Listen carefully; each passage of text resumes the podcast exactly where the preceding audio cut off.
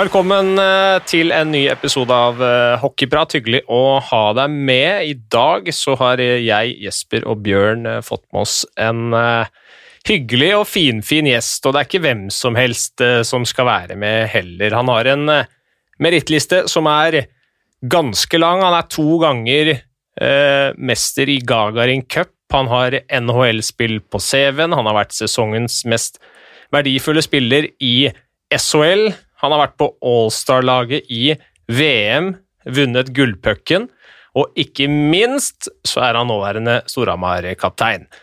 Det sies at han har et konkurranseinstinkt som er så intenst at han egentlig har lyst til å bygge et enda dyrere stupetårn på Hamar.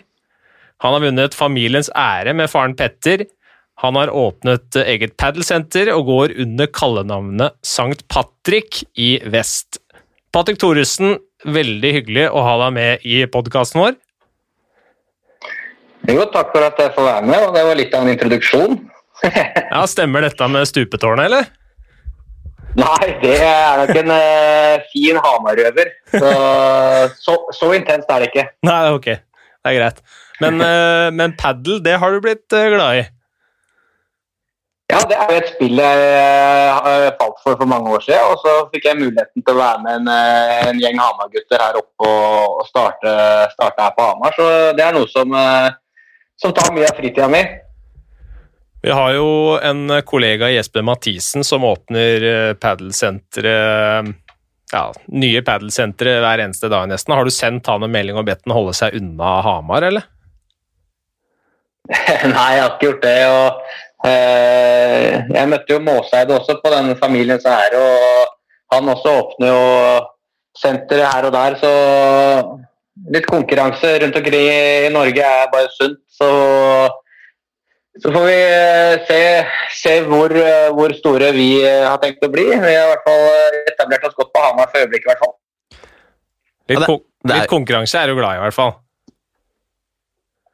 Ja, altså det er jo Du skal ikke du skal ikke komme til Hamar ikke få konkurranse, i hvert fall. Det, det skal jeg sikkert ha visst. Såpass mye kan jeg si. Nei, det er bra. Men det har vært, eh, det har vært litt lite konkurranse sånn hockeymessig i det siste. Hvor, eh, hvordan har de siste ukene vært, eh, Patrick? Ja, det har vært beintøft. Det har, vært, det har gått mange dager, så har det dessverre gått mye utover medspillere. Man trener å stå på og håpe på, på kamper. Og, og, når man ikke får det, så går det dessverre litt aggresjon ut på, på, medspillere. Så det har vært noen tøffe treningsuker, så nå håper jeg at vi kan dra i gang snart. Har det vært litt, litt kok på treninger, eller? Ja da. Det har vært litt kok. Det, og det er jo i og for seg bra òg. Det, det, viser jo bare at uh, spillerne bryr seg, og at vi har klart å holde et uh, relativt høyt nivå oppe da, på treningene. Så det har ikke bare blitt eh, kosing og, eh, og, at dette her er helt ålreit, for det er det ikke. Det jo, vi, hadde jo, vi, hadde jo, med Martin Røymark her for et par uker siden, og han fortalte jo om at da han var i Ferjestad, så ble det slåsskamp mellom han og Lars Haugen. Så har det vært noe, vært noe av det på isen hos dere nå, eller? Mye munnhuggeri. Og det, det, går vel egentlig mest på at uh, vi alle er litt frustrert, tror jeg. Og så, har vi et ønske om i Storhamar å holde nivået oppe til enhver tid. og uh, Hvis det synker og man kanskje taper en uh, taper da, på trening, så kan det også koke enda mer over. så det har vært, vært noen incidenser. men det er liksom, Sånn har det vært for min del i hele karrieren. Jeg har, hatt, jeg har gått i clinch med, med, mange, men så fort jeg går av isen, så, så er det ikke noe problem med å prate med noen eller ta, spise lunsj med noen etterpå. Eh, det har gått fint, det, altså. Ja, hvem, hvem, er, hvem, er, den eh, største du liksom har vært i clinch med på treninga? Har du noen, noen ordentlig store gutter, eller? Nei, jeg husker midt i sluttspillet i uh, midt i sluttspillet i uh, Zürich Dette her så, så, begynte jeg å slåss faktisk med hans største bekken på laget. Han, uh, for I Sveits så er det sånn at du eh, Du har straffer, da. Du har 20 minutters overtid, og så er det straffer da, som avgjør om du vinner en, eh, en kvartfinale eller ikke. Eh, bare det i seg sjøl er jo helt eh, idiotisk i sluttspill, syns jo jeg. Men eh, nå var det da sånn, og så visste jo jeg at jeg var en av de som skulle ta straffe hvis det blir straffe, så jeg hadde jo planlagt før kamp sju at uh, hvis jeg må ta straffe, så skal jeg øve på en straffe. Og når han da ødela for meg på trening etter treninga var ferdig, så, så ble det litt for mye, og da da pakka vi sammen, og det ble noen eh, jakk på nesa litt blod og sånt, og så var det kamp dagen etter. så uh, Tok du den, da? det var en uh, Ja, jeg vil si det ble jevnt. Jevnt, ja. ja, ja. Det er, eh, det, det er godkjent, det. det, det dreit jeg. Det har jo vært et eh, Altså, jeg skjønner at eh, spillesuget er, eh, er stort, at det kan skape litt aggresjon på, på trening, og at, at man går rundt og er litt sånn frustrert. Hva er det du syns har vært det aller verste med pandemien, egentlig? Nå datt jeg ut litt her, så jeg hørte ikke spørsmålet. Jeg, jeg, jeg egentlig, kan ta det enkelt. Hva er det du syns har vært det aller verste med pandemien? Nei, det, det har vel på en måte Hvis man tenker hockey, så må det være at, eh, at det å liksom ikke kunne få konkurrere har vært det verste. Uh, uten tvil. Uh, gå dag inn og dag ut og bare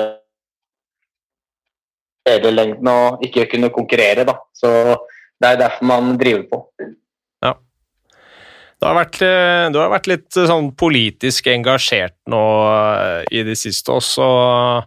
Eh, involvert litt på, på sosiale medier. Jeg har sett og har eh, gått litt på, på Hamar kommune, at de må opp i ringa når det gjelder eh, det å legge til rette for at, at barn kan være på Løkka når de ikke får lov til å trene organisert. Du gikk jo også ganske hardt ut mot den der krisepakke fire som var sendt ut i høring da det var forslag om å, fjerne støtten for avlyste arrangementer. Hvordan, eller Du har jo også barn som har vært påvirka av ned- nedstenginga. Hvordan synes du myndighetene har liksom ivaretatt idretten oppi alt eh, det som har skjedd det, siste året? Uh, altså Først og fremst så leser jeg veldig lite. Jeg er egentlig sånn eh, store hele så er jeg nok ikke godt nok innsatt til å mene for mye. Men i, men i sånne enkeltsaker da, som du nevner der, som uh, f.eks.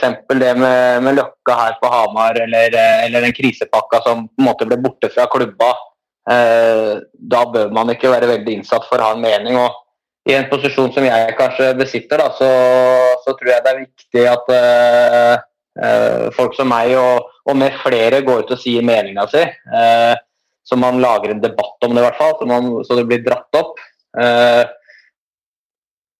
og så utover det så har jeg liksom ikke noe sånn Jeg har ikke noe, har ikke noe spesielt sånn inside på, på ting. Jeg sitter ikke og leser eh, aviser, jeg setter meg ikke inn i så mye ting. Men eh, av sånne ting så har jeg ofte en mening, og, og da må man bruke navnet sitt litt. Ja.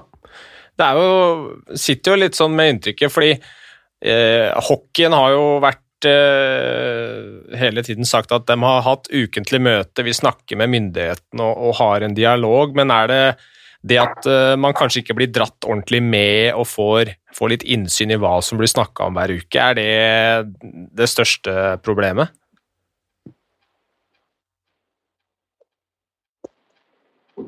Ja, det kan være det. Og så, så, så kan jeg også synes at eh, flere som står på en høy hest, kanskje kunne ha ridd den litt hardere. Eh, fordi det er eh, for nok idrett, da. eh, ikke bare i ishockey, men i andre idretter også, som kunne kjempa kanskje enda hardere for å på en måte satt oss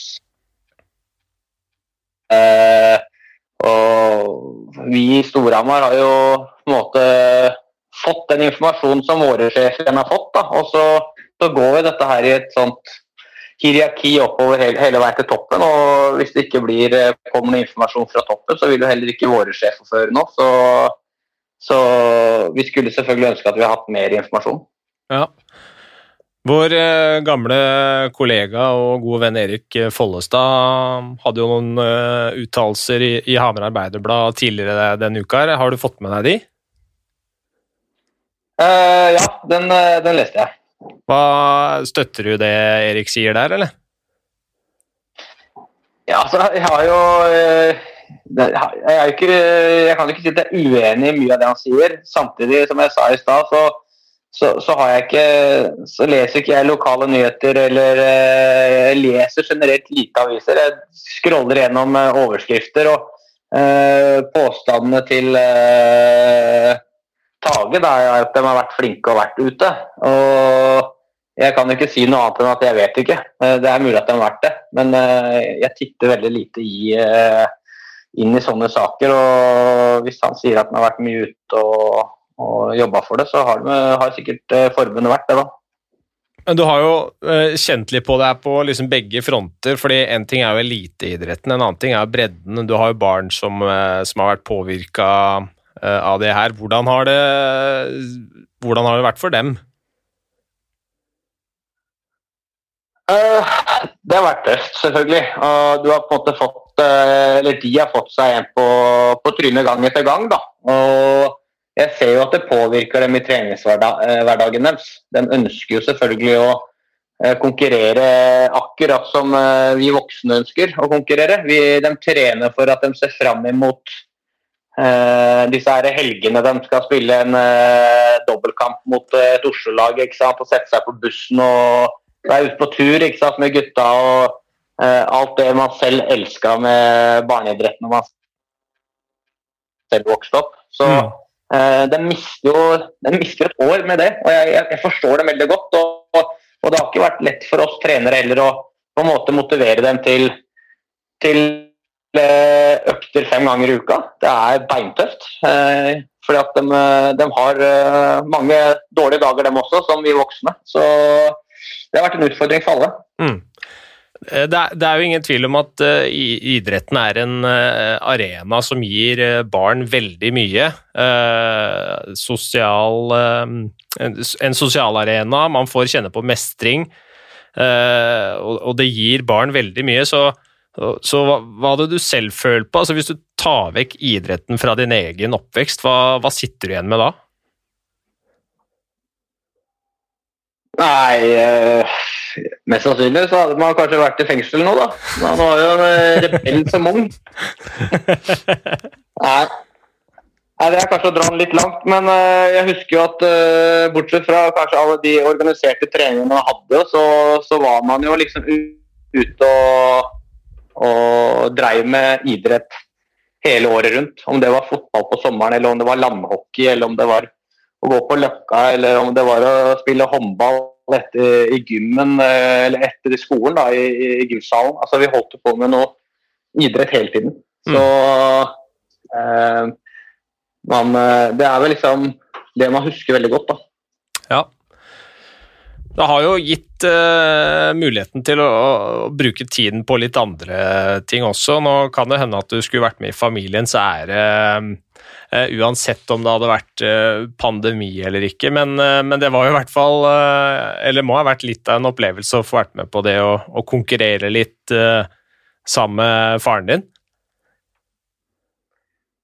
Ja, det var, det var jo veldig gøy. altså vi, jo, vi, prøvde jo å få til å trene litt uh, i forkant av dette her. Uh, men uh, det var alltid noen gode unnskyldninger om at pølsene smakte ekstra godt og, og juleribba satt litt for godt igjen fra jula. Og, så det var, det var mye unnskyldninger. Så, jeg var jo litt nervøs på hvor tungt dette lasset skulle være. Så jeg har jo slitt med noen ryggplager utover i sesongen her. Så, det har vært litt, du måtte bære litt for mye av stokken sjøl? ja. Nei da. Men det, det var uh, Fra spøk til alvor så var det moro å være, gjøre noe sånt sammen med han. Vi har jo under årenes gang uh, sett lite til hverandre. da. Så å på en måte gjøre en sånn uh, sånn ting var gøy for oss begge. Ja, det skjønner jeg. Jeg måtte se igjen litt før denne episoden her for å bare friske opp minnet. Det er så bra introen til finaleepisoden, så så står alle liksom og snakker om hva er det de forventer, og så har dere fått spørsmål hva, hva er svakheten i laget. Så bare nikker de mot eh, faren din og sier det er han! Det er han. ja.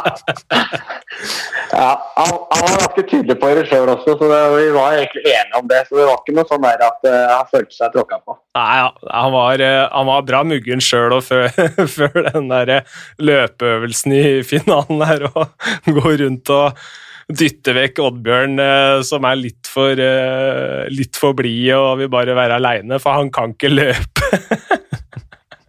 ja da. Det var eh, det er, nok, det er et par minutter der som også er klippa bort, så han var ganske forbanna. Ja, det tror jeg på.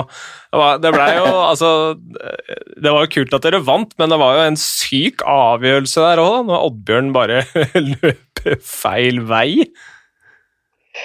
Ja, og jeg holdt jo på å choke helt på den uh, siste kurven der. Og vi hadde jo egentlig seieren i, i vår hule hånd helt til uh, jeg fikk litt uh, høye skuldre. Så, men det var en Vi visste jo at han har ikke vært i noe Game 7 før, så han fikk jo, han fikk jo litt høye skuldre der på, på slutten og løp feil. Ja, det, det har du. Um det er eh, Preben Skovli, vi har fått et spørsmål. Han lurer på um, om det er, eh, om det er mye hets som har blitt eh, klippa bort. Jeg syns du du var litt på Petter der hele veien, egentlig.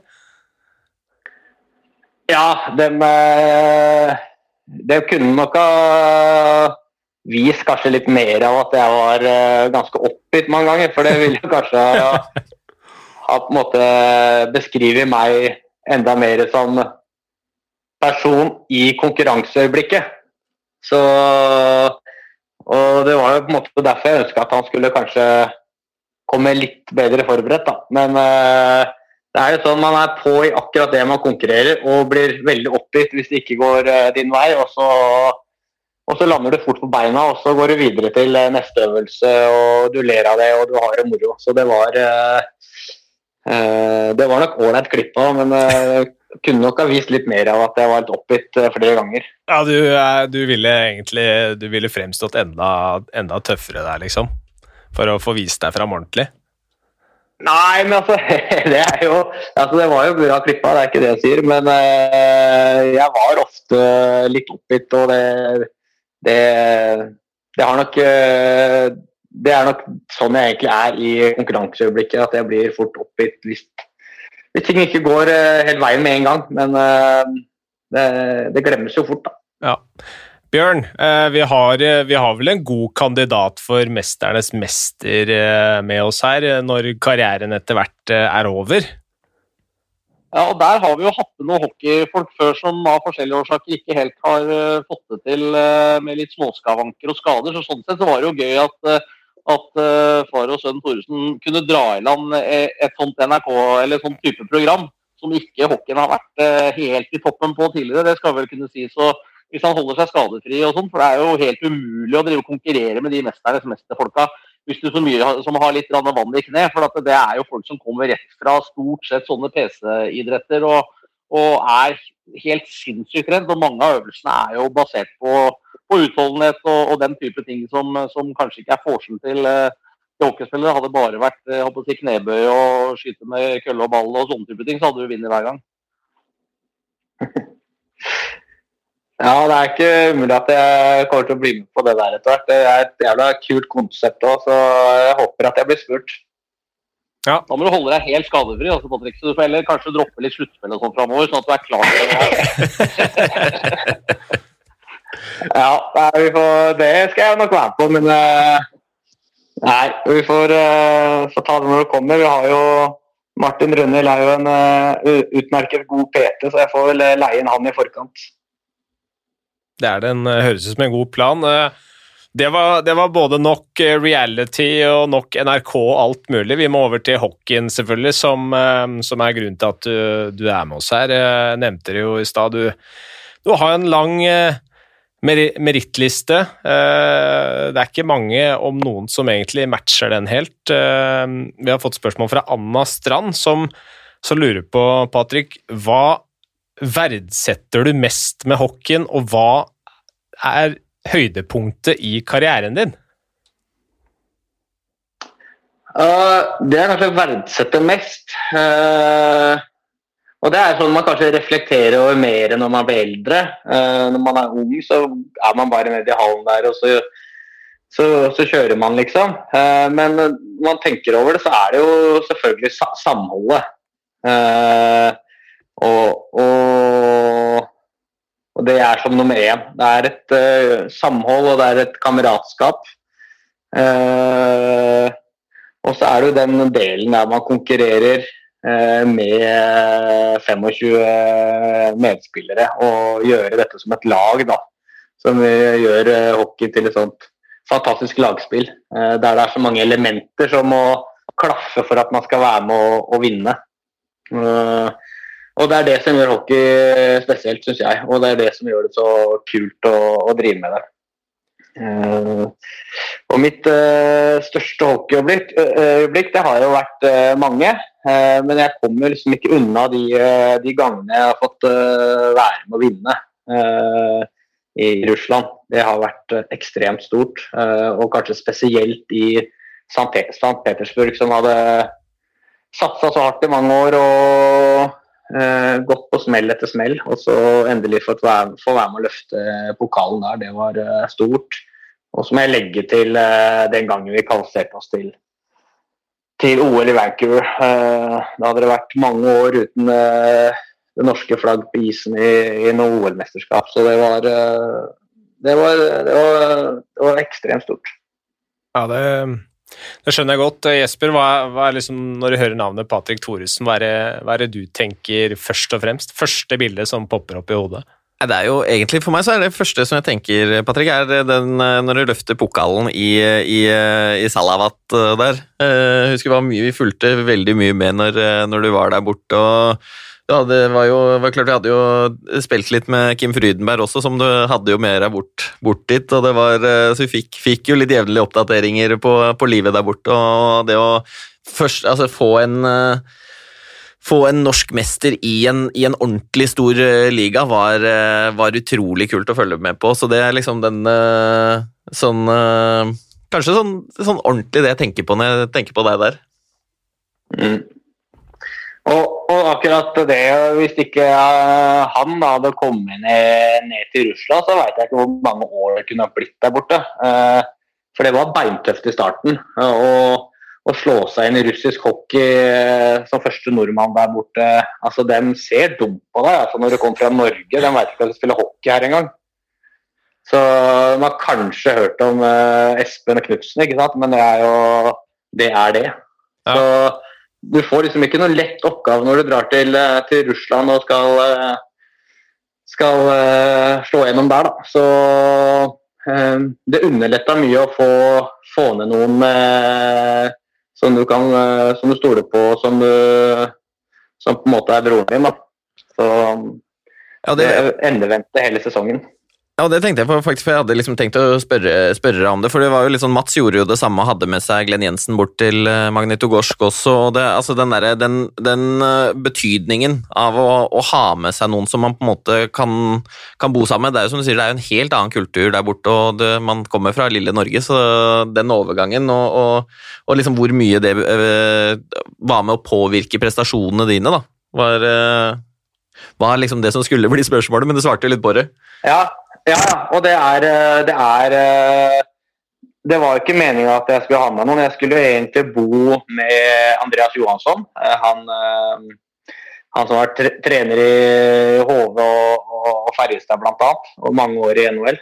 Jeg skulle bo med han, og vi skulle, skulle være oss to. Og så ble han sendt hjem etter tre uker. Så jeg blei liksom veldig aleine der borte. og når ting ikke fløyt eh, som det skulle i starten, så, så ble det mye ble det mye press. Eh, noen av russere kunne være litt sånn ekle i kjeften, og da, Da gjaldt det bare å ta og notere seg hva som ble sagt og hva som ble, ble gjort. Og så, så fikk de dobbelt så mye tilbake når jeg først begynte å skåre mål. Da var det ingen selvmord. Ja, for det løsna jo ganske bra etter hvert der. Det var ikke, var ikke akkurat en, eh, en, dårlig debutsesong i, eh, i KHL. Nei, det, det løsna som sagt da han kom. Og så, så var jeg Eh, vi hadde jo gode spillere i laget, og jeg spilte jo ikke i starten med Jeg spilte jo ikke med Radulov i starten. Eh, han og Sinovje var jo et sånt par, da. Eh, han er jo ikke så kjent, han Sinovje, men han er en meget dyktig spiller. og jeg gikk jo bort til han Radulo og sa det, nå bør jeg komme inn og spille med dere snart. For å få litt fart, enda mer fart på dere. Og så, så han dro vel i noen snorer der, og så og derifra ut så, så var vi et radarpar. Hvor det, altså den mentaliteten der, da, den der eh, krigerske innstillinga, men det også å gå inn og, og liksom tørre å eie situasjonen litt og ta litt plass Hvis du ikke Altså, er det mulig å overleve i, i Russland uten å ha den mentaliteten? Ja, det tror jeg. Uten tvil. Eh, det er flere si, veier til rom. Da. Det er jo mange måter å gjøre det på. Eh, alle er forskjellige. Eh, dette her, det er meg å gjøre sånne ting. og det har på en måte gitt meg mange mange plusser på veien. Jeg har tatt noen risker med å vært litt framme i skoa og, og kanskje vært litt stor i kjeften da, og tørre å på en måte gjøre de der, de småtinga. Som på en måte, Enten så er, er du på huet og ræva ut, eller så er du ordentlig inne i varmen. Så eh, jeg turte å tatt den risken og trodd på meg sjøl hele veien, og så har det, har det funka. da. Og, og det, det, gjorde jeg egentlig året før også, i, i Lugano, da når jeg var der. Da, da jeg havna på tribunen som femteimport i eh, sveitsisk hockey. da Eh, det var ikke akkurat veldig gøy etter en, eh, et par år igjen å havne der som 24-åring, ikke sant. Men eh, da, da havna jeg der, og da gikk jeg til trenerne etter at laget hadde tapt to på rad og sa at i morgen så bør dere spille av meg, så skal jeg sørge for at dere vinner. Og så, ja, Men sportssjefen hadde sagt at jeg ikke skulle spille og sånt, da. Men det dreit trenerne i, og så skåra jeg to, hadde et assist og eh, vant 3-2 dagen etter, og laget vant. Og etter det så spilte jeg hver kamp. Det var den andre som satt på tribunen. Og det er liksom sånn Det får bære eller briste, har jeg tenkt i mange situasjoner. Ja, det kunne jo ikke blitt eh, noe særlig verre, i hvert fall, da, ved at du går inn og sier det når eh, sportssjefen har sagt at du ikke skal spille. Men det er greit, det er greit å levere det, da, når du først går inn og, og bruser med fjæra. Ja, det er du. Du, du legger jo egentlig hodet ditt på en sånn uh, hoggestabbe, ikke sant. Ja. Så, så, Men uh, når det funker, så er det jo jævla ålreit. Uh, altså, uh, livet i UFA og St. Petersburg, er det store forskjeller der, eller? Ja, det er jo Kan jo sammenligne det litt med altså, bo i en sånn derre uh, Kentucky og komme til New York, da, ikke sant. Ja. Det er jo det, er, det, altså, det, var det var lite. Det bodde to millioner mennesker i UFA, og så det var uh, ekstremt lite som skjedde der.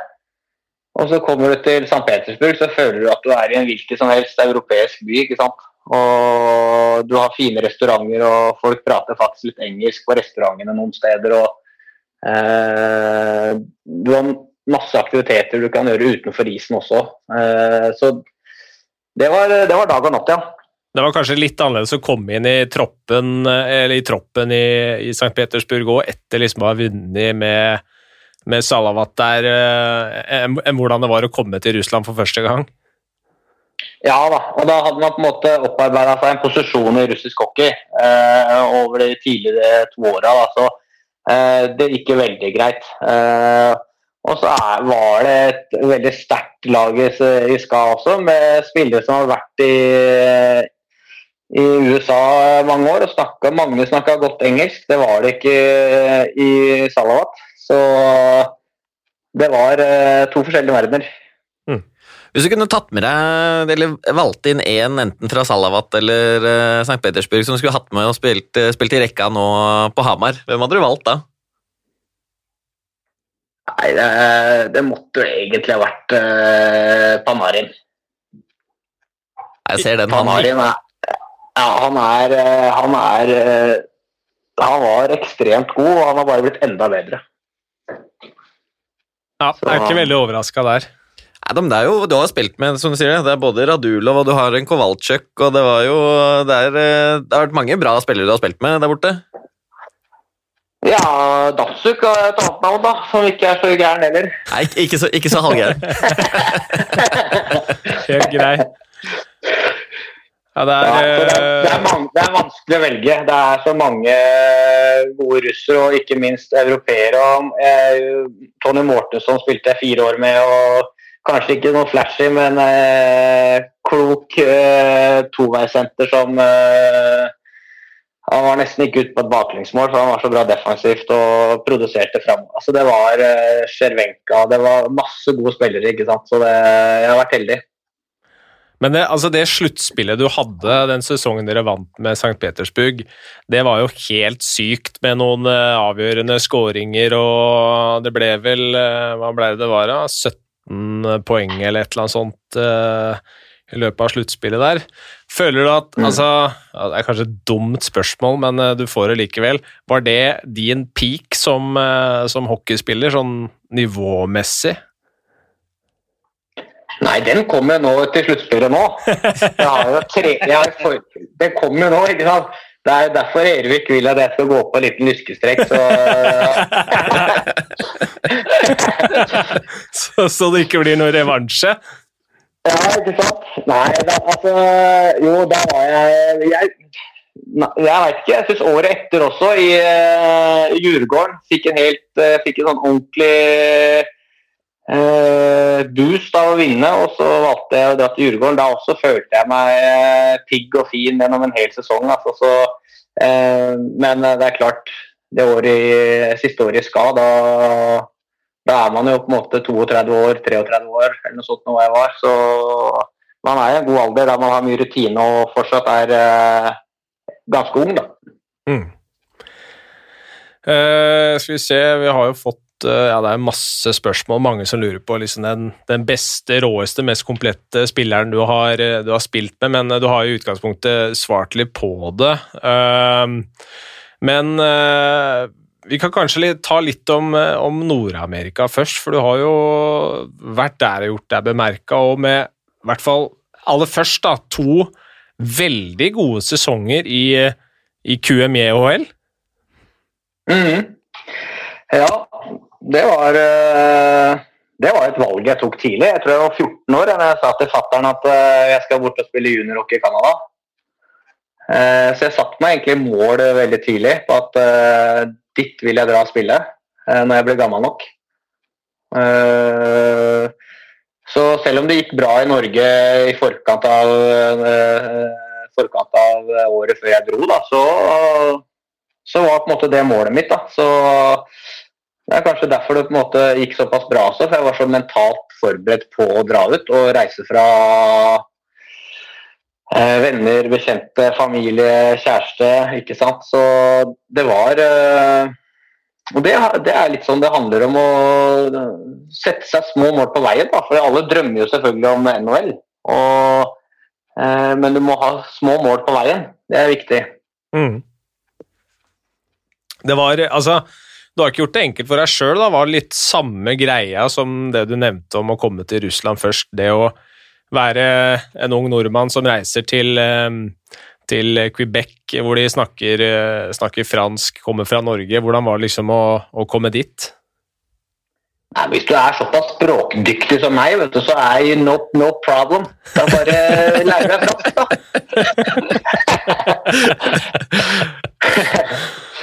Nei, det var, eh, det var, selvfølgelig litt utfordrende, i hvert fall andre året. For der snakka de Der kunne du ikke bestille en uh, kaffe på engelsk engang uten at en ikke skjønte noen ting. Så uh, Men når man ser litt valgene mine i ettertid, så har ikke, det har ikke gått etter åssen språk det har vært til, i stedet jeg har spilt. For det, det, var ikke veldig lett å lære seg med russisk heller.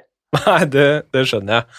Jeg så jo faktisk på altså, statistikken, da, poengmessig, så var faktisk eh, Christian Larivé var noen plasser over deg i poengligaen i, i, serien det første året du var i Canada der. Men eh, i, i, andre sesongen din så, så var du altså tredje best i hele QMEHL. Eh, mm. Hvordan eh, utvikla du deg selv som spiller på den, eh, på den tida der?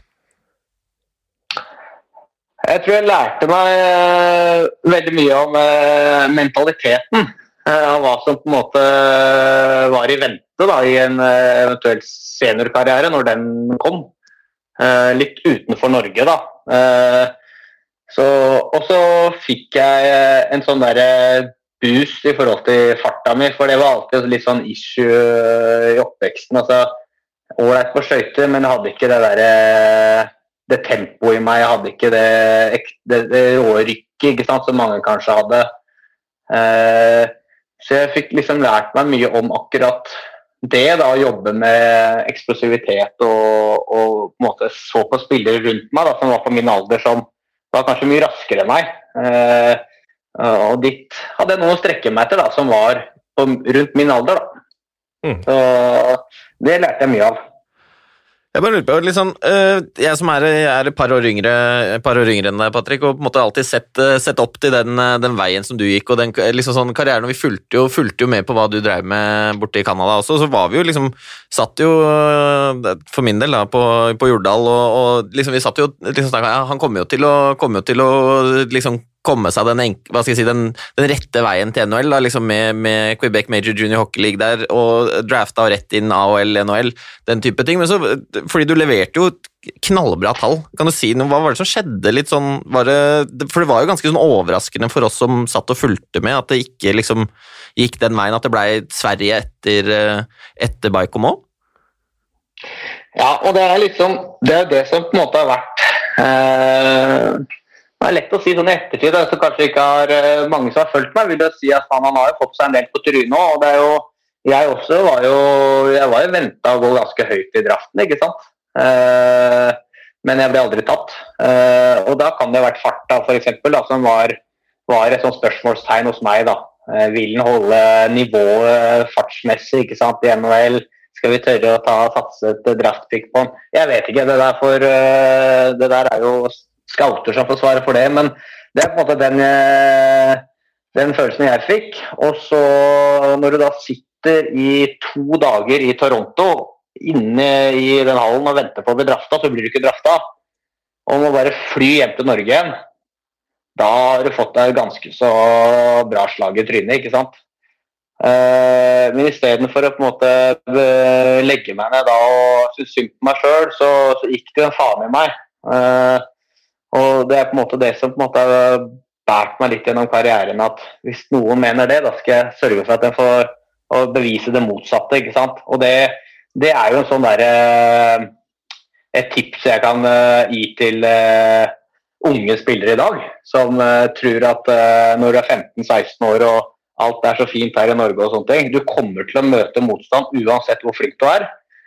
Og så er det hvordan du håndterer det. Det er det som kommer til å definere deg som spiller på sikt. ikke sant? Og eh, For min del så var det å motbevise alle andre. Når de mente én ting, så skulle jeg motbevise det andre. Og det var vel der, eh, der jeg bestemte meg for at eh, de scouta skulle faen ikke få rett. De, de skal se meg i NHL en dag. Ja, jeg tror... Og da ble det da ble det enda tyngre vei da, med å gå tilbake til uh, allsvenskan med i Sør-Sverige. Ja, jeg tror akkurat den der, den der, egenskapen som du beskriver der, da, det er jo noe som skiller deg fra uh, hva skal jeg si, veldig mange av uh, andre norske hockeyspillere. Da. Det, den evnen til å ta den, uh, ta den trøkken og på en måte liksom si at ok, nå skal, jeg, nå skal jeg motbevise alle sammen her. Og det er jo altså jo, jeg vil jo tro at det er mye av den evnen til det da, er mye av grunnen til at du har hatt den fantastiske karrieren som du har. da. Mm. Ja da. Det, jeg sitter jo litt og tror det sjøl òg, faktisk. Mm. Det var jo Mørrum i Sverige som ble veien etter, eh, etter Canada først, og, og når du ikke ble drafta. Eh, hvordan, eller hvorfor endte du opp der? Nei, altså det var jo Det var jo sånn at uh, mitt siste år i juniorligaen så, så, ble jeg pappa for første gang. Og når du blir uh, pappa, så får du jo et ansvar. Og jeg, selv om jeg bare var 19 år, så måtte jeg begynne å tjene litt penger. ikke sant? Så jeg måtte begynne å tenke litt annerledes. og da ble veien til Europa et, et naturlig sted å begynne å si, seniorkarrieren sin. da. Eh, og da, på den tida der, så var det, det var Mørrum som eh, ville ha meg. Eh, så vi flytta oss tre ned dit og kom inn i en, egentlig en veldig bra gruppe. Flere av de spillerne jeg spilte med der, havna i Eliteserien til slutt. Vi hadde ikke noe veldig godt lag, men det var en del gode spillere på laget. Så det var egentlig bare såpass enkelt at jeg måtte begynne å sette litt litt melk på bordet og begynne å tjene litt mine egne penger for å forsørge familien. Mm. Det gikk jo for så vidt greit etter hvert, det, da veien gikk eh, videre til uh, Djurgården? Ja, der, der, var det litt knakete i, eh, i, starten. Jeg fikk jo en skade første året mitt. Um, og var veldig nære å bli sendt rett ned til uh, Allsvenskan igjen jeg ble frisk igjen. Men uh, hadde ikke Espen vært der da og sagt at uh, jeg skulle faen ikke i Allsvenskan, han skulle spille i Djurgården, så hadde jeg nok vært et år til i Allsvenskan. Altså fikk litt hjelp derfra? Det er jo ålreit, da. Mm? Ja, det Får litt hjelp derfra, det er jo hyggelig. Ja, så Espen hadde en veldig stor posisjon i Djurgården da, den gangen, og eller det har han jo fortsatt ennå. Eh, så når han sa at eh, Patrick skal spille i Djurgården, ja da ble det Djurgården. Eh, skulle ikke ned til Allsvenskan da. Det var, jo, det var jo en kul tid eh, å spille i, eh, i SHL på også. Det i hvert fall den ene lockout-sesongen der, eh, hvor det var eh, NHL-stjerner her og der. Ja, det var, det var liksom litt overveldende. Du, du, drømmer om NHL, og så plutselig så spiller du med og mot uh, halve NHL. For de uh, fylte jo opp ligaen. Ja. Uh, husker Nils Ekman og Markus Nilsson. De var jo da i San Jose og Calgary. De kom bort på treninga.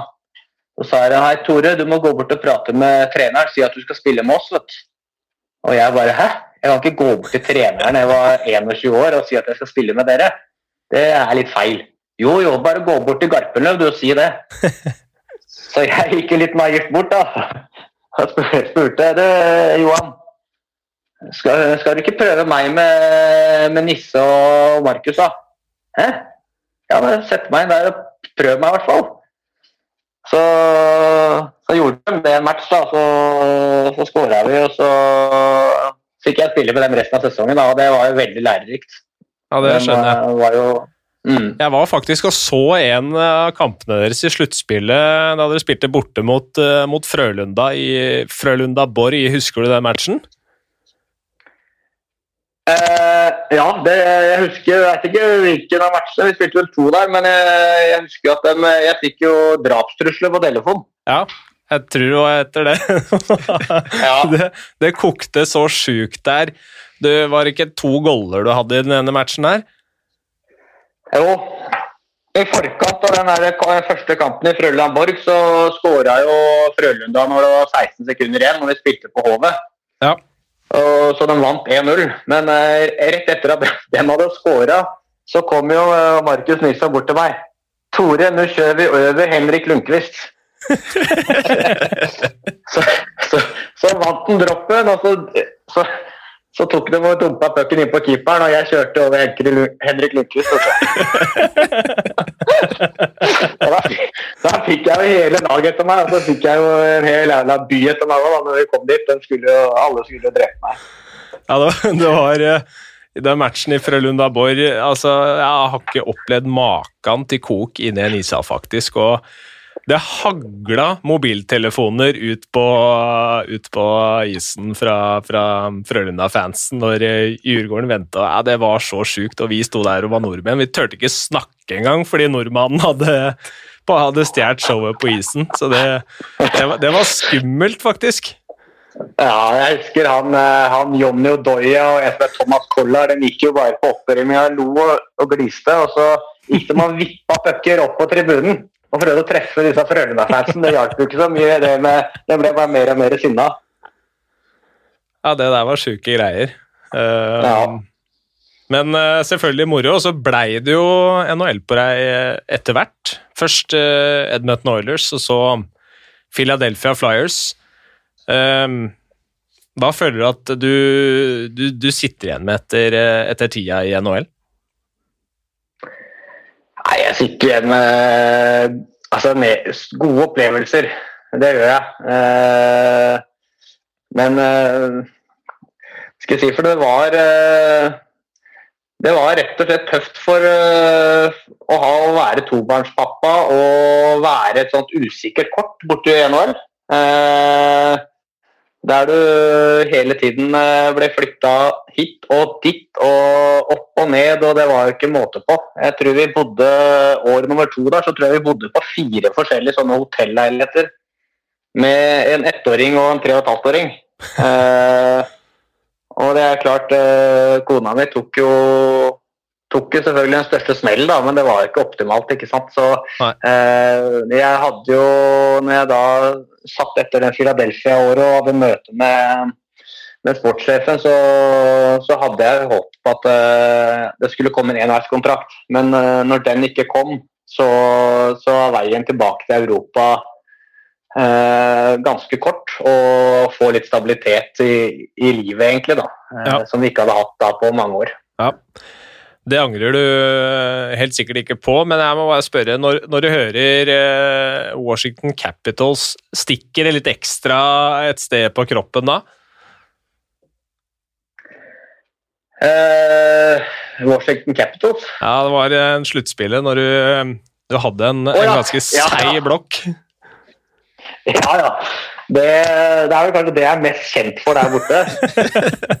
og, og det som var litt morsomt med det, var jo at uh, altså, jeg ble jo paralysert. Det var eh, fryktelig vondt. Uh, og når jeg da kom inn i garderoben og la meg på, på inne på, på medical-rommet, på legerommet, så, så hadde jo Washington klart å score i overtid òg, så vi tapte jo kampen til slutt. Og han sportssjefen kom jo ned rasende, ikke sant? for han trodde at jeg var den pingla. ikke sant? Ja, for de skåret skårte jo 4-4 bare sekunder etter mens du lå der og vrei deg. Det er sant, det spillet, Ja, ja. spillet fortsatte der, og så var det vel eh, For det var vel fem mot tre også, var det ikke det? Og så I utgangspunktet? Eller var det fem mot fire? Nei, ja, fem mot fire, da, men det ble fort fem og tre når jeg lå der nede på isen og vrei meg. Jeg så YouTube-klipp i går. Kommentatoren bare Det der, det er smerte, men det er ikke noe fare, så her er det bare å spille videre. Ja, og det er, eh, det er greit nok. Altså, jeg har uh, fått skudd i foten og stått på det andre, altså, så den, er- den er, den er innafor. Men uh, jeg tror alle gutter kjenner igjen seg. En, uh, et hardt slag på juvelene vil paralysere paralysere en- enhver. Så, så han eh, sportssjefen kom ned og var lynforbanna helt til han skjønte hva som hadde skjedd. og da, da, da var det greit. Da skjønte han at det var lov til å ligge nede. Ja, fy faen. Da jeg så det greiene der, så tenkte jeg det var godt du var tidlig ute med, med unger. Ja. ja, det kan du si. Det, det var en ganske så fin hevelse eh, i en ukes tid etterpå, så, så det, det var ikke noe godt. Men har du hatt uh, muligheten til å gå tilbake til NHL på et uh, senere tidspunkt? Jeg har hatt et par muligheter. Eh, etter den seieren i Salavat annet, så hadde jeg egentlig ganske godt, godt tilbud fra Philadelphia, faktisk. På enveis. Enveis, ja. Ja. Eh, Da var jeg vel, eh, da nærma jeg meg 30. Jeg var vel 29 eller 28-29 år. Eh, Men eh, da tenkte jeg Da tenkte jeg litt framtid, og tenkte SKA var et eh, enda bedre eh, mulighet for meg til å, til å sikre opp litt framtiden til eh, meg og familien. Så, og pluss at jeg trivdes bra i bra i Russland. Hadde fått en posisjon i Russland. og jeg visste at selv på nedveis i, i NHL så er det fortsatt veldig mye mer usikkert enn en, på sin nedveis i Russland. Ja, så var det jo noe med det, som du sier, da, den der posisjonen som du hadde jobba deg opp i, i, eh, i KL, og, og, når du har den standingen og skulle liksom flytte til NHL og på en måte starte litt på, på scratch igjen, når du på en måte har, eh, har en høy stjerne, så tror jeg de, de, aller fleste kan forstå det valget der. Ja, og det Det har vært litt sånn for meg, min del. så er det sånn, Om folk forstår det eller har meninger om det, det bryr jeg meg veldig lite om. Det viktigste er at jeg kan stå inne for de valgene jeg har gjort. og det eh, og Så kan man alltid drømme om når man sitter i juni måned og ser på Stanley Cup-finalen at fy fader, det hadde vært kult å være der. Eh, men det er ikke bare å melde seg på en Stanley Cup-finale. Nei. Eh. det, det, er, eh, det er 10-11 andre måneder i år òg hvor, eh, hvor, du skal trives, og som du sier, det, det å prioritere liksom familie også, det, det, er vel ingen som kan ta deg på akkurat det. Men du har jo vært veldig mange steder i løpet av eh, karrieren. altså Edmonton, Philadelphia eh, Du nevnte du har bodd mange andre steder i Nord-Amerika også. Stockholm, vært litt i Salzburg, Lugano, eh, Lugano Zürich, Ufa, St. Petersburg. Hvor har det liksom vært best å være hockeyspiller? Hvor er det du føler du har blitt tatt best ivaretatt, og hvor har du trivdes best? Uh, nei, det er nok uh, uten tvil uh, Djurgården. Stockholm. Det ble Det har liksom blitt mitt andre hjem på en eller annen måte, sa, sammen med Ska, selvfølgelig. Men Djurgården står høyt, høyt, hos meg. De har den ga meg på en måte en uh, sjanse for uh, herrens mange år siden. Og uh, når noen gir meg en sånn sjanse, så, så, blir jeg på en måte litt sånn evig takknemlig. Og så liker jeg det Djurgården står for. Jeg liker på en måte alt det med den fansen rundt med jernkaminerne, og, og, jeg liker byen. så der jeg på en måte har trivdes best, det er nok både I hvert fall utenfor, det er, det er i Stockholm. Mm. Preben Skovli han har sendt inn et annet uh, spørsmål. Han lurer på hvilken uh, klubb eller hvilket lag du har spilt på har hatt den beste garderobekulturen? Altså, det har vært mange gode garderobekulturer og mange gode lag jeg har vært på. Men på en måte, når du er med og bygger et vinnerlag, da, uh, så er det på en måte det du sitter igjen med etterpå. Eh, for det, det, skjer noe sånn magisk i et sluttspill der du der, der, ting begynner å uh, sette seg litt. Det er ting du har jobba med under hele året. Uh, der keeperspillet skal sitte, der det defensive skal sitte, powerplay ikke sant? Hele den der bøtteballetten der. Så de lagene jeg har vært på uh, når vi har vunnet, det er jo de lagene jeg sitter igjen med som på en måte eh, har vært den beste kulturen, vært den beste av alt. da. Eh, sikkert litt pga. at man blir litt, litt sånn eh, Man, man eh, har vilje, da. Så blir man litt sånn grønn på det, kanskje. Jeg vet ikke. Ja, jeg skjønner jo det, og det ble sikkert eh, litt sånn med landslaget også, når eh, altså, man var på sitt, sitt aller, aller beste. Eh, altså, du har jo vært med på noen nesten utopiske øyeblikk eh, med landslaget. VM ble jo plutselig noe helt annet for, eh, for norske hockeyfans. Eh, jeg regner med at du har ganske mange morsomme opplevelser med, med isbjørn på brystet òg?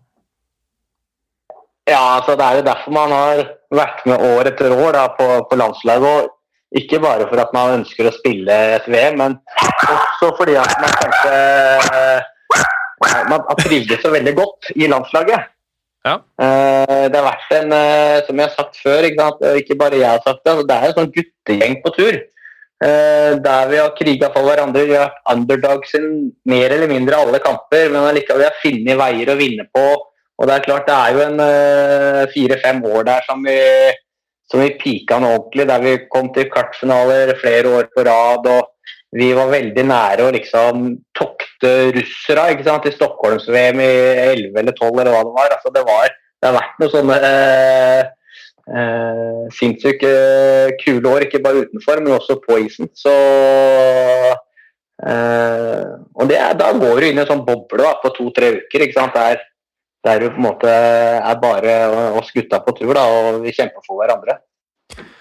Altså, altså, det har jo på, måte, på, mange måter vært en litt sånn gyllen generasjon for, uh, for, landslaget, med veldig mange fra den altså, 80-tallsgjengen uh, som du snakker om her. Og, og, hvordan ser du på liksom, mulighetene for landslaget framover? Nei, det, det, er jo det er spennende tid i vente, da. Eh, andre land er jo ekstremt flinke i utviklinga. Eh, jeg sitter litt med følelse klubber i dag da er eh, Kanskje jobber litt feil i strukturen i klubben, i klubbene. Eh, jeg tror, altså For min egen del, når jeg vokste opp eh, Jeg var jo sjelden, jeg var en av de flinkeste på laget. og var sjelden sånn på oppflytt og sånn, for jeg var 11-12 år. Nå er det sånt jag om at man skal være på et oppflytt, og det er det er ditt og datt, og vi skal jage fram spillere. Så du mister kanskje en del på veien, da, og så tar du bort den der lagånden i hvert årskull. Eh, over flere Og så skjer dette her år etter år.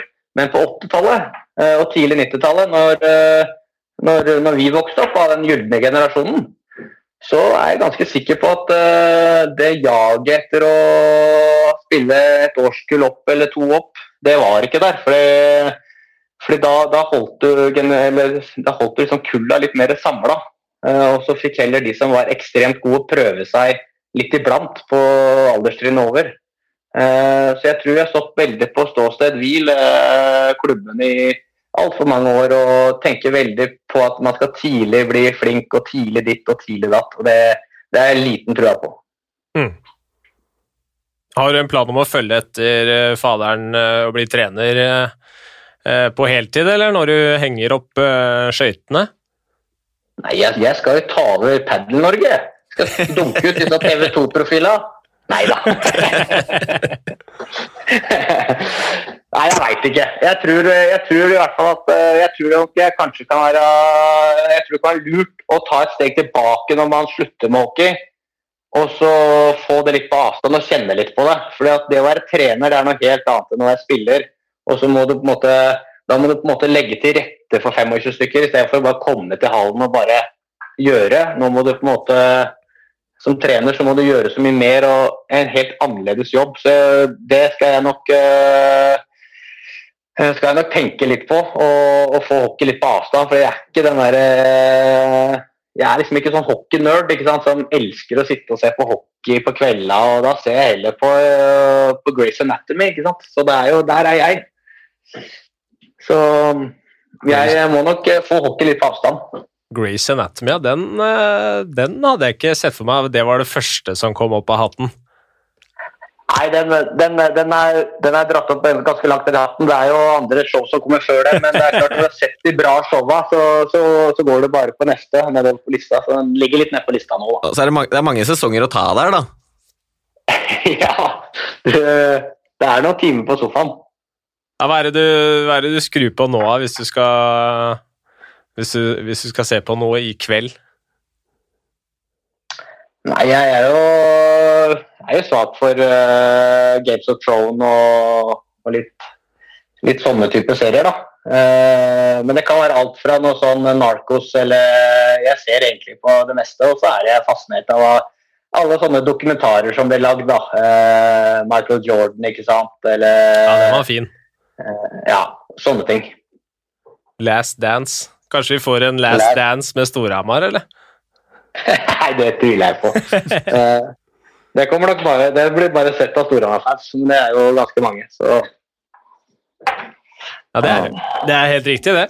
Eh, litt mer om landslaget. Altså, det har vært noen syke øyeblikk. Det har vært noen seirer, det har vært kvartfinaler, det har vært kvalifisering til OL, det har vært kvartfinale i OL. Eh, det har vært eh, Allstar-lag, eh, det har vært 12-3 mot Tyskland. Hva, hva, hva er din topp tre for landslaget?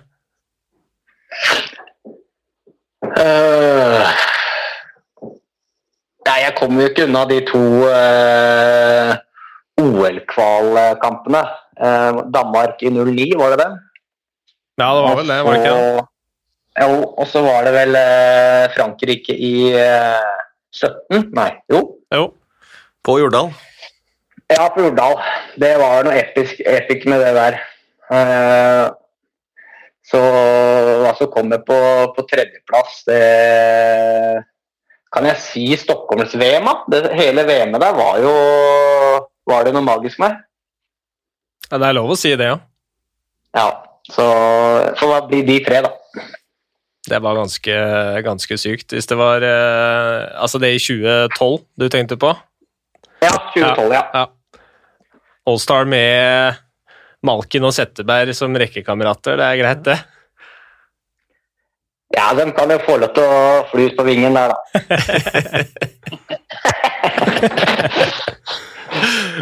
Ah, eh, men eh, det var jo Du nevnte jo altså OL-kvalen på Jordal. eh, Første Altså Det var ilddåpen til eh, faderen som landslagstrener. Eh, Trym Sebastian Gundersen han har eh, sendt inn et spørsmål her og, liksom sier at trenden i idretten er at man, man forsøker å unngå pappatrenere fra en viss, alder, eh, viss aldersklasse. Sånn er det ikke for deg på landslaget nå. Eh, hvordan er det egentlig å ha fattern som, som sjef der? Uh, jeg syns det har gått greit. Altså det, jeg syns det, det er vanskelig å på en måte kalle den for noe, da. For for meg så blir det jo Det blir rart å si Petter. Ja. og, så, og så blir det enda dummere å si pappa, ikke sant? Så jeg har jo bare Jeg har bare kalt den for du. Og så liksom peke litt Du, du.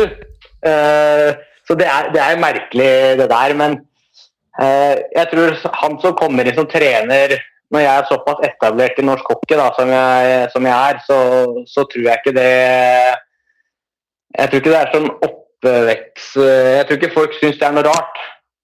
Eh, tror jeg, da. Men det er det jeg tror. Eh, så får andre kanskje mene mer om det. Men eh, sånn i barneidretten så så, så er det selvfølgelig Du søker etter, eh, alltid etter kvalifiserte trenere. eh, Og i hockey så er det jo ikke alltid så lett å finne det. da, Du finner det kanskje ofte i, i sønnene til, eller fedra til sønner og, og sånne ting. og eh, Det er et dilemma. eh, men på et eller annet tidspunkt så må jo foreldra, uansett hvor flinke de er, må jo trekke seg til sida eh, for å la sønn være sønn, og så la noen andre ta over eh, stafettpinnen. Og så får man heller sitte litt på tribunen og gi tips fra, eh, tips fra middagsbordet og, og sånne ting. Så eh, det er nok uh, smart at det ikke er uh, for mange foreldre involvert. For det skaper ofte konflikter. Jeg tror jeg, tror jeg er inne på noe, noe viktig der, men det er klart at som du sier da, fra tidlig alder av, det er vanskelig å komme utenom de, de uh, fedra, og, og jeg tror jo at de aller fleste av oss som har spilt på et eller annet nivå i Norge eller i utlandet av norske spillere, har på et eller annet tidspunkt hatt, hatt med faren sin på, på trenersida tidlig i karrieren, men det å få inn, få inn eh, mer, hva skal jeg kalle, mer profesjonelle trenere uh, som har litt mer avstand etter hvert, det er veldig, veldig viktig. Mm. Vi kan jo. Nei, kjør på. Sorry, nå avbrøt jeg. Nei, jeg sa bare jeg var enig. Ja. Nei, da, da hopper vi til, eh, til tiden i Storhamar. Eh, Det ble etter hvert et, et comeback der, og det har jo vært en ja, Om ikke turbulent, så har det i hvert fall vært en innholdsrik eh, tid, da. Du eh, Midt i comeback-sesongen så hoppa du tilbake til eh, Eller på et tilbud fra St. Petersburg. Ble dessverre ingen tittel der. Gikk jo glipp av en tittel med med Storhamar. Så har det vært en del trenerbytter, det har vært litt økonomiske problemer, men det virker som at dere er på en veldig god vei nå etter at Anders Jøse kom inn. Det er unggutter som, som leverer, men, men hvordan er det å oppleve de tingene som spiller? Bryr du deg mye mer om det når det er spiller, når det er snakk om moderklubben din? Eh, jeg tror jeg hadde brydd meg like mye i visse andre klubber også, men i Storhamar så er jeg på en måte kanskje litt mer innsatt i, i hva som skjer eh, litt bak kulissene også. da. Og, og, og har på en måte fått litt mer informasjon om hva som foregår. Eh, eh både på det økonomiske og på spillemarked og, og litt sånne ting også. Eh, så det har naturlig blitt at jeg er på en måte blitt mer involvert. Eh, så da Så jeg vil jo si eh, ja. Eh, og så tror jeg man når man blir eldre, så har man Og jeg har jo litt erfaring fra andre klubber også, så er jeg tror Storhamar som klubb er nysgjerrig å høre litt hva jeg tenker og, om ting og tang. Så, så, så, det har jo blitt litt annerledes her enn det har vært i andre klubber. Mm. Kai Robert eh, Bronken han, eh, han spør eh, hvilket finaletap som, som svidde mest. Var det NM-finalen mot Frisk i 2019, eller var det gatehockeyligaen på Hamar vest tidlig 90-tall? Nei, altså det er, må jo være det gatehockeymatchen. det er jo ingenting som kan måle seg med å tape mot noen du møter på hver eneste dag. Den... Lokale, tape mot lokale pokaler, det er jo verst. jeg syner den, men den, den svei litt, den i 2019 òg? Ja da, den gjorde det. Selvfølgelig. Eh, vi var veldig nære, og det er litt sånn eh, Du vinner noen, og så taper du noen. Og så, og så får man bare prøve igjen. Dere har muligheten i år? Ja, jeg hadde muligheten i fjor å se om det blir noe spill først. Men uh, jeg syns det er uh, mange lag. Jeg synes det er mye mer åpent nå enn det kanskje har vært noen gang. Så det er mange lag som, uh, som har lyst til å melde seg på det, den NM-gullet NM der. Så vi, vi, får gjøre vår del, og så får vi ha fokus på oss, og så blir det liksom sånn, så blir det som det blir. Mm. Hvordan har det vært å jobbe med Anders Kjøse? Det har gått veldig bra. Eh, jeg spilte med Anders eh, på U16-landslaget og sånt, husker jeg, i oppveksten, men jeg har ikke hatt noe kontakt med han før, så jeg visste jo ikke helt eh, visste jo ingenting om han før han kom hit. Så, men det har gått over all forventning, vil jeg si. Han er en ekstremt dedikert uh, trener som, uh, som, som, som, jeg setter pris på. Du ser at han legger ned jobben, forbereder seg godt til trening, uh, til kamper. Eh, eh, og det er jo Du viser arbeidsmoral da, overfor eh, den jobben du skal gjøre. og det Mer kan du ikke forvente. Da vet du at han jobber like hardt som oss, og da er vi i samme båt. Han er vel litt mer den typen som når, når, du ser på Grace, så ser han på klipp fra treninger og sånn, eller? Ja, det skal jeg love deg. Jeg tror ikke han veit hva sånne TV-serier er engang. Og så har det vært eh, Altså, det største emnet rundt Storhamar denne sesongen har, det har jo vært eh, disse ungguttene, og da spesielt Eskil eh, Bakke-Olsen. Eh, Øystein Johansen har sendt inn spørsmål og lurer på om du kan ja, prøve å spå hvor god den gutten egentlig kan bli? Nei, altså Eskil har jeg jo han prøver jeg på en måte å, å hele tiden. Jeg har god dialog med Eskil. og Du ser jo liksom ikke mange unggutter i Sverige eller i Finland eller i Norge eller hvor som helst med, som har det hockeyhodet til Eskil. Så jeg tror Eskil er ganske bevisst på hva han må gjøre. Og jeg har i hvert fall sagt hva han må gjøre for å, for å ta det neste steget. Og hvis han gjør, legger ned den jobben, så, så, kommer han til å bli en eh, i hvert fall toppspiller i Europa. Det er jeg helt sikker på. Men det er på en måte den jobben som han sjøl må legge ned. da. Eh, og jobbe med farta si, ikke sant? eksplosiviteten hans, eh, intensiteten sin. Eh, fordi smartnessen, det, det, finner du ikke i de mest rutinerte spillere i Getten engang. Så det, han er blant de smarteste spillere allerede nå i, i denne ligaen. Det, det bør du ikke lure på. Var det sånn at uh, tok han og gikk til, til Jøse og sa at han ville spille med deg, eller uh, har, du, har, du, hatt en finger med i spillet på å få han inn i rekka, du? Nei, Eskil er såpass frisk, så jeg regner med at han har vært inne hos Jøse og sagt at hei, disse to skal jeg spille med. Så Nei, Det er det som er morsomt med disse unggutta som kommer opp. Da. Det er jo ikke bare Eskil, altså, det er jo de andre Sander Engebråten og Elvsveen også Altså, den er flinke til å trene. Den, er, eh, den, prøver å ta litt plass, og det er viktig ikke sant? på en smart måte. Uh, og så har de en sånn unggutt som har litt mer rutine i Simen André, som er Edvardsen, som er veldig flink til å trene og ta med seg disse gutta og vise, vise vei utafor isen at det kreves jobb, ikke sant. Og så hvem av dem som eh, kommer til å slå ordentlig gjennom, det vil jo tiden vise. Men at Eskil eh, har en, eh, har en lysende framtid i møte, det, det bør vi ikke lure på. Mm. Dette tar oss med litt over til, til vår faste spalte, Bjørn, og, og ukens profil.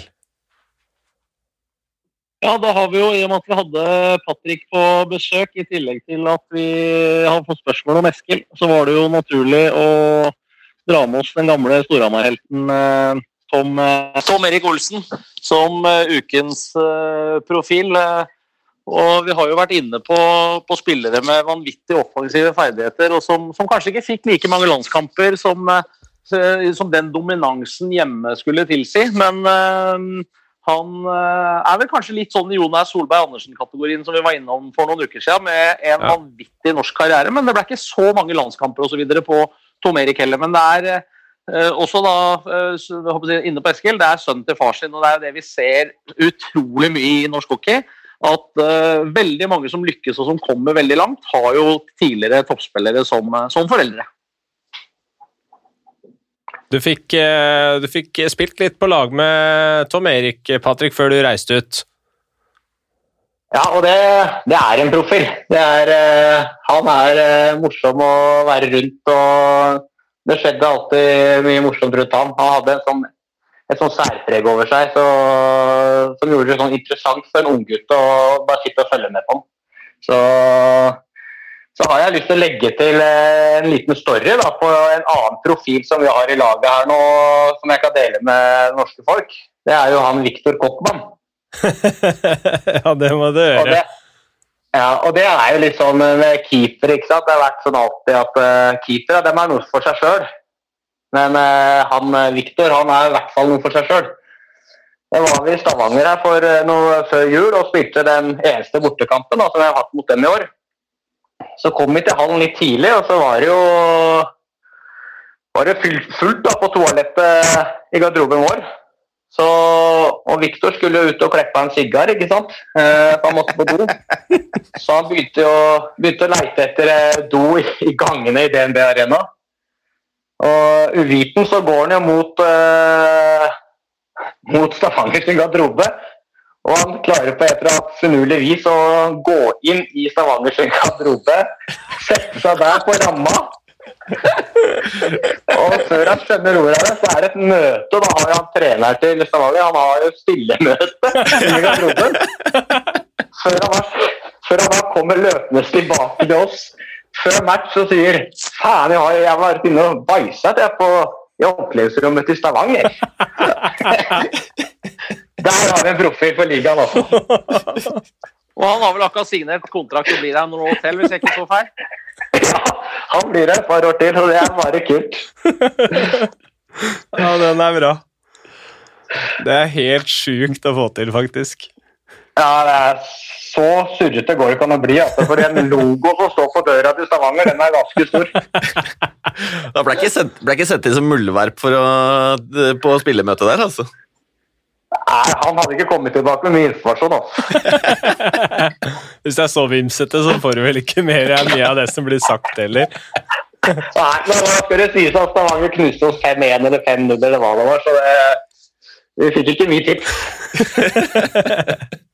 Jeg har du noen historier om, eh, om Tom Erik eh, fra tida di der? Jeg, jeg snakka litt med Ole Eskil eh, Dahlstrøm i stad. Han sa at altså, når du ble henta på A-laget, så var i garderoben så satt de såpass nærme døra. De to var liksom velkomstkomiteen i garderoben når du, du kom inn der som en, som en litt breial 15-åring, sa Ole Eskil. Husker du noe av dette? Ja, men, ja altså jeg husker jo at uh, de, sa, de, sa, vel sånn at uh, du får være, du får være breialtouristen, men du får være breial på en smart måte, sa de til meg bare, husker jeg. Det er det jeg husker. Og, så man prøvde å lære meg at eh, du kan godt være litt uh, høy på deg sjøl, men du må ha det med glimt i øyet. Og det, det, er, det er sant òg. Det er viktig å ha glimt i øyet. Det er det helt selvfølgelig.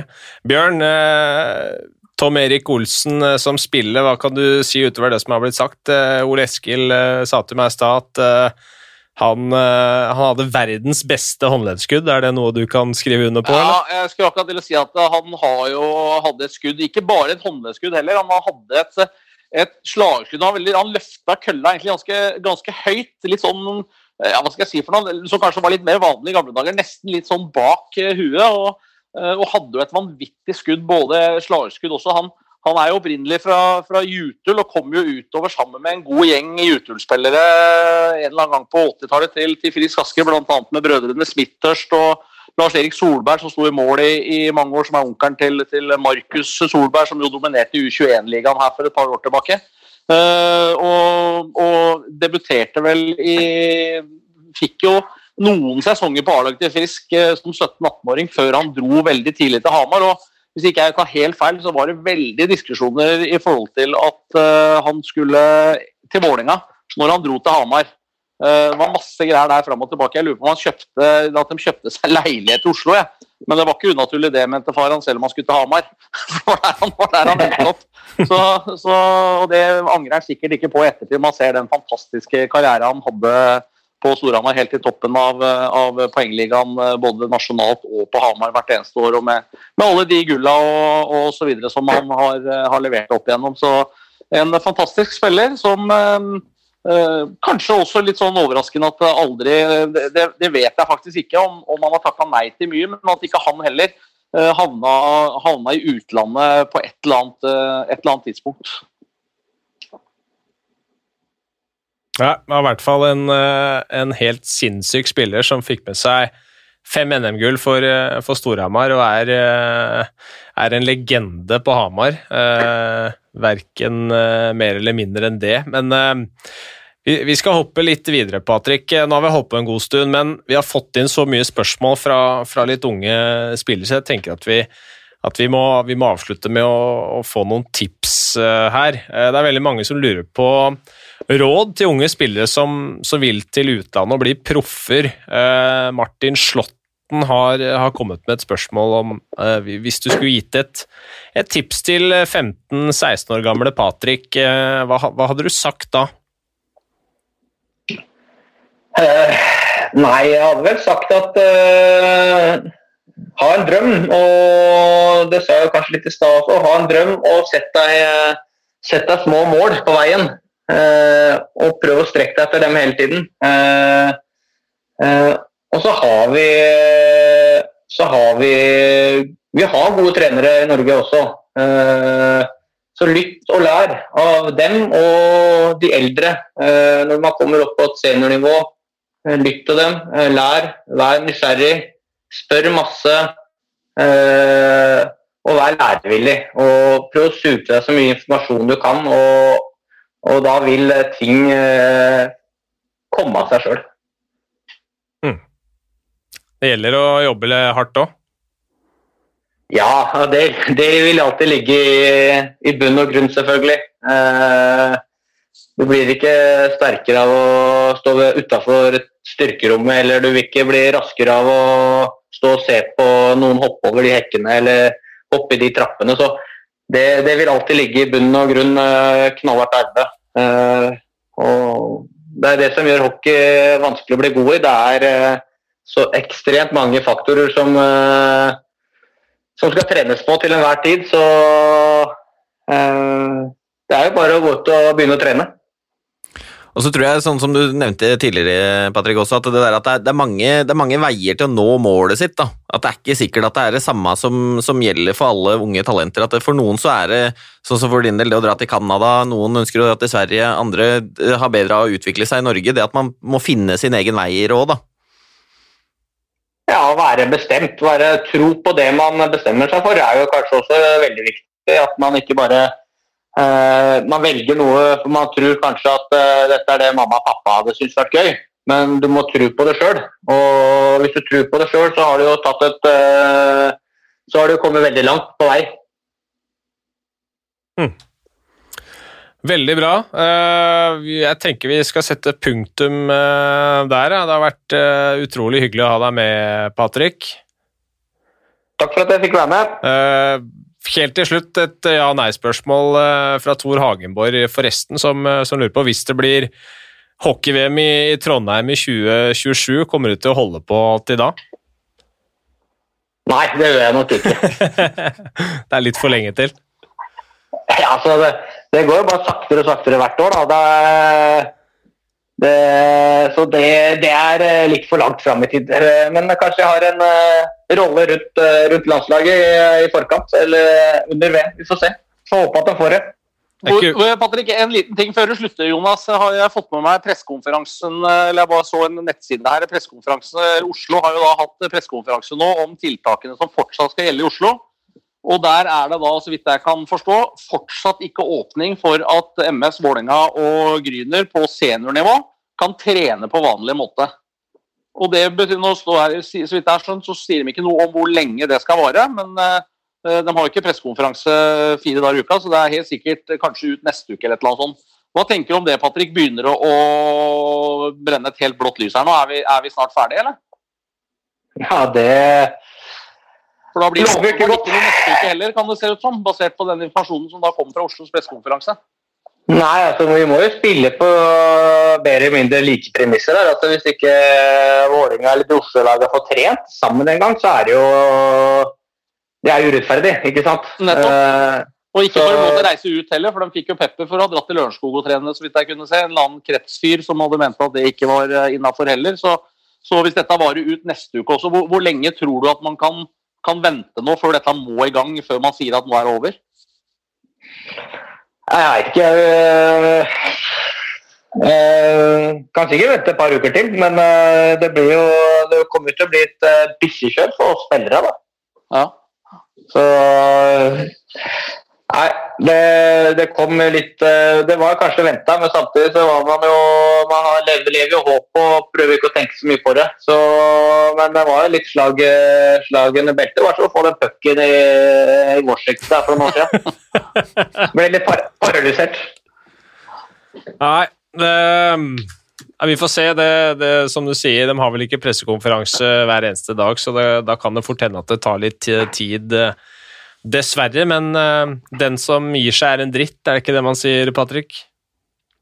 Jo, man skal aldri gi seg. Får vi se eh, om, eh, om vi er i gang igjen før uh, vi skal i gang med en ny episode om uh, to uker. Igjen, det var veldig hyggelig å ha deg med, Patrick. Tusen takk for, uh, for tiden din. Tusen takk for alle spørsmål også. Vi har et Zoom-abonnement som skal deles ut. Det går denne gangen til Anna Strand. Gratulerer så mye med det. Eh, takk for alle og veldig mange gode spørsmål til denne episoden. Det hjalp oss bra. Og så gjelder det bare å si da. Takk for, eh, takk for følget, så høres vi om et eh, par uker.